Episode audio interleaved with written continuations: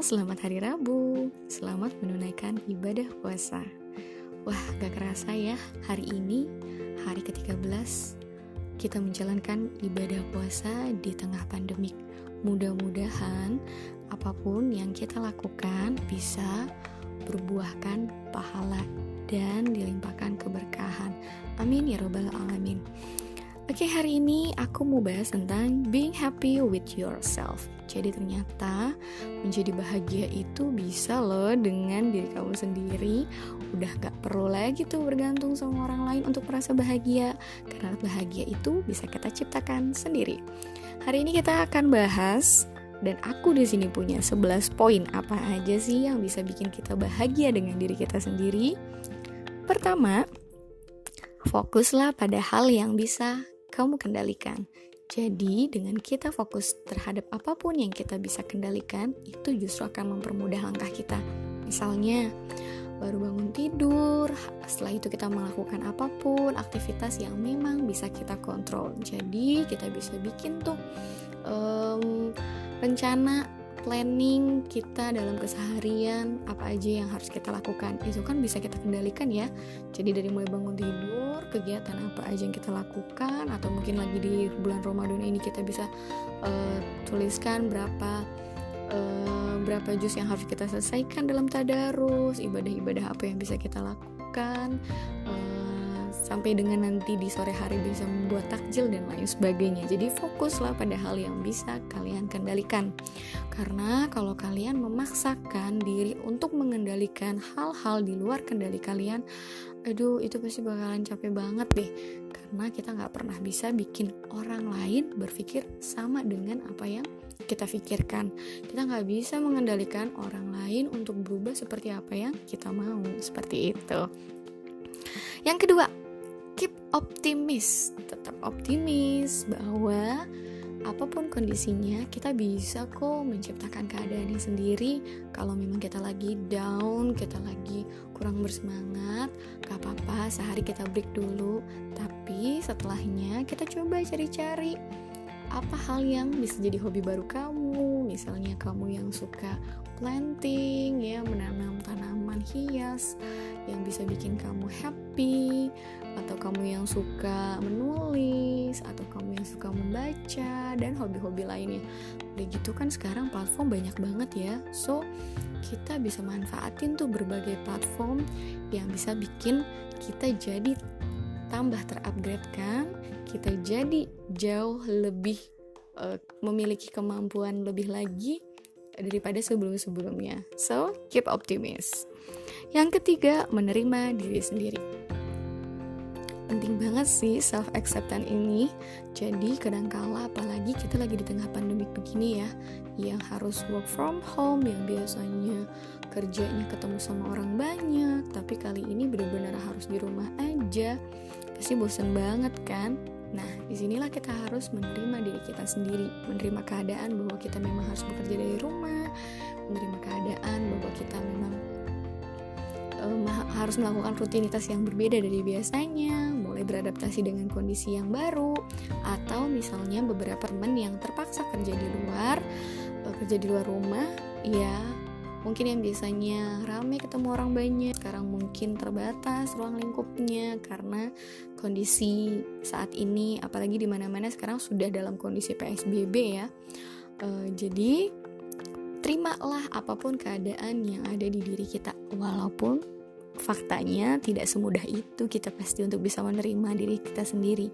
Akan ada banyak proses yang kita alamin dan ada, akan ada banyak hal yang perlu kita toleransikan. Jadi nggak apa-apa. Bergelut dengan diri sendiri berargumen dengan diri sendiri itu udah pasti akan terjadi. So uh, enjoy the process uh, sampai akhirnya kamu benar-benar bisa menerima diri sendiri. Selanjutnya lagi yang keempat jujurlah meski sulit Nah, kan kondisi kayak gini kita pasti jadi kayak over oversensitif ya, yang bikin kita tuh jadi baperan kalau diomongin sama orang sedikit-sedikit baper, sedikit-sedikit baper. Nah, di sini kita mesti jujur sama diri sendiri ataupun orang lain, walaupun sebenarnya sulit. Kayak misalnya ada orang minta bantuan kita, di tengah kondisi yang seperti ini rasa-rasanya sulit deh untuk bisa uh, memberi bantuan lebih kepada orang lain karena kitanya sendiri pun harus survive gitu ya. Bantuan yang aku maksud di sini mungkin lebih ke uh, biasanya ada teman minta tolong mengerjakan ini dan itu gitu ya yang biasanya kita bisa handle karena kondisinya memadai. Tapi karena kondisinya lagi seperti ini kitanya harus tetap uh, stay positif uh, tetap harus menjaga mental kita tetap sehat maka penting banget kita buat jujur sama diri sendiri atau orang lain. Walaupun sulit tapi kita harus coba. Jadi sesekali kamu boleh kok untuk menolak eh, membantu temanmu atau orang terdekatmu kalau memang dirasa kamu sudah kelelahan dan kehabisan energi. Selanjutnya lagi buang jauh-jauh rasa dendam atau memaafkan karena kalau kita masih punya rasa dendam rasa-rasanya sulit deh buat kita ngerasa bahagia percayalah bahwa setiap orang punya waktunya sendiri untuk bisa menjadi bahagia dan kalau ada beberapa orang yang menyakiti kamu, ada beberapa orang yang mengecewakan kamu, itu adalah hal-hal di luar kendali kamu. Lagi-lagi balik ke poin pertama, uh, fokus pada hal yang bisa kamu kendalikan. Jadi kalau ada orang lain berkata negatif tentang kamu, menyimpulkan kamu hal-hal yang negatif, punya sudut pandang uh, buruk terhadap kamu, it's okay, nggak masalah. Jadi daripada kamu capek nyimpen dendam kamu, coba deh kita mulai memaafkan, mulai menerima bahwa setiap orang memiliki persepsi yang berbeda. So kita nggak perlu paksain orang untuk memiliki persepsi yang sama dengan kita. Selanjutnya lagi yang keenam, memiliki tujuan hidup. Jadi kita tahu nih arah hidup kita mau ke mana. Udah bukan lagi aku harus ngapain ya, harus seperti apa ya, tapi kita sudah bisa menentukan tujuan hidup kita ke mana. Ini penting banget supaya kita bisa melakukan uh, rutinitas sehari-hari dengan lebih semangat dan optimis karena kita tahu ke mana kita mau melangkah. Jadi memiliki plan hidup penting banget ya teman-teman. So uh, mulai dari sekarang coba mulai dibikin planningnya. Planning jangka pendek. Jangka pendek itu misalnya planning harian planning jangka menengah misalnya planning bulanan atau planning jangka panjang. Itu bisa juga dengan planning tahunan gitu. Selanjutnya lagi yang ketujuh mencintai sesama. Jadi mencintai sesama itu bisa mengaktifkan hormon bahagia loh ternyata. Kayak misalnya kita berbagi sama orang-orang terdekat kita mendonasikan sebagian yang kita miliki kepada orang-orang yang membutuhkan apalagi di tengah pandemi seperti ini ya. Jadi ladang pahala yang luar biasa sebenarnya untuk kita bisa berbagi dengan orang-orang terdekat kita. Jadi uh, dengan saling berbagi mencintai sesama mencintai temanmu mencintai sahabat-sahabatmu, bahkan mencintai keluargamu sendiri yang mungkin selama ini suka sebel sama orang tuamu, suka sebel sama adik atau kakakmu. Coba yuk mulai untuk mencintai mereka dengan menerima mereka apa adanya. Selanjutnya lagi yang kedelapan, jaga hubungan sosial. Karena kadang dengan uh, physical distancing ini justru kita jadi nggak bisa ngejaga hubungan sosial kita.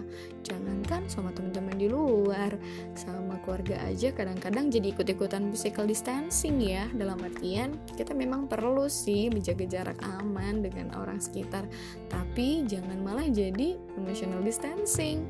Jadi bikin kita menjaga jarak emosi yang bikin uh, kita sama keluarga malah jadi jauh seperti itu. So mulai menjaga hubungan sosial dengan baik. Jadi keep contact uh, tetap jalin komunikasi dengan orang-orang terdekat. Apalagi sekarang sudah banyak sekali aplikasi virtual meeting ya supaya kita bisa tetap keep contact dengan orang-orang sekitar kita. Teman kerja kita sahabat lama kita eh, saudara-saudara kerabat dan lain sebagainya. Selanjutnya lagi yang kesembilan investasi sebuah pengalaman. Jadi kita harus meluangkan sesuatu untuk mendapatkan pengalaman baru.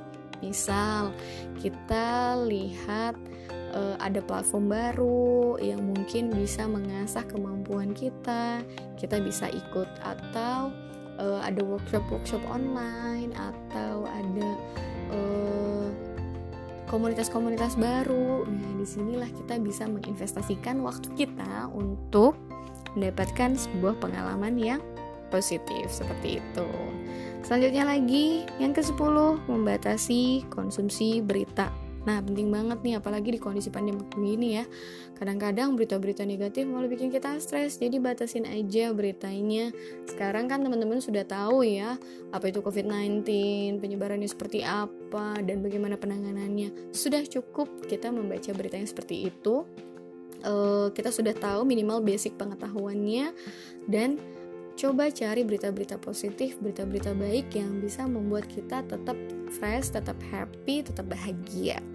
Yang terakhir, memprioritaskan kesehatan karena kesehatan itu penting. Aku yakin banget nih pasti teman-teman di tengah pandemik ini waktu kalian akan jadi chaos banget yang harusnya tidur udah di bawah jam 12 malam sekarang mungkin sudah uh, bablas uh, begadang sampai dengan sahur baru tidur ketika di pagi hari akhirnya waktu kalian jadi berantakan. Dan ini cukup membahayakan untuk kesehatan kalian. So kalian harus tetap menjaga kesehatannya dengan uh, tetap menjalankan rutinitas yang semestinya. Kalau memang harus tidur cepat ya usahakan tetap tidur cepat uh, supaya waktunya dalam keseharian tetap bisa kita gunakan untuk kita lebih produktif seperti itu. Jadi itulah dia 11 poin yang bisa bikin kita jadi bahagia dengan diri sendiri. Kira-kira kalian-kalian semua di sini, teman-teman aku semua di sini, hmm, sudah melakukan berapa hal uh, untuk menjadi bahagia? Mudah-mudahan udah ada setengahnya lah ya. Setidaknya dari sini kita bisa tahu bahwa ternyata bahagia bisa kita ciptakan sendiri. So, create your own happiness. Uh, sampai ketemu lagi di segmen berikutnya. See you guys.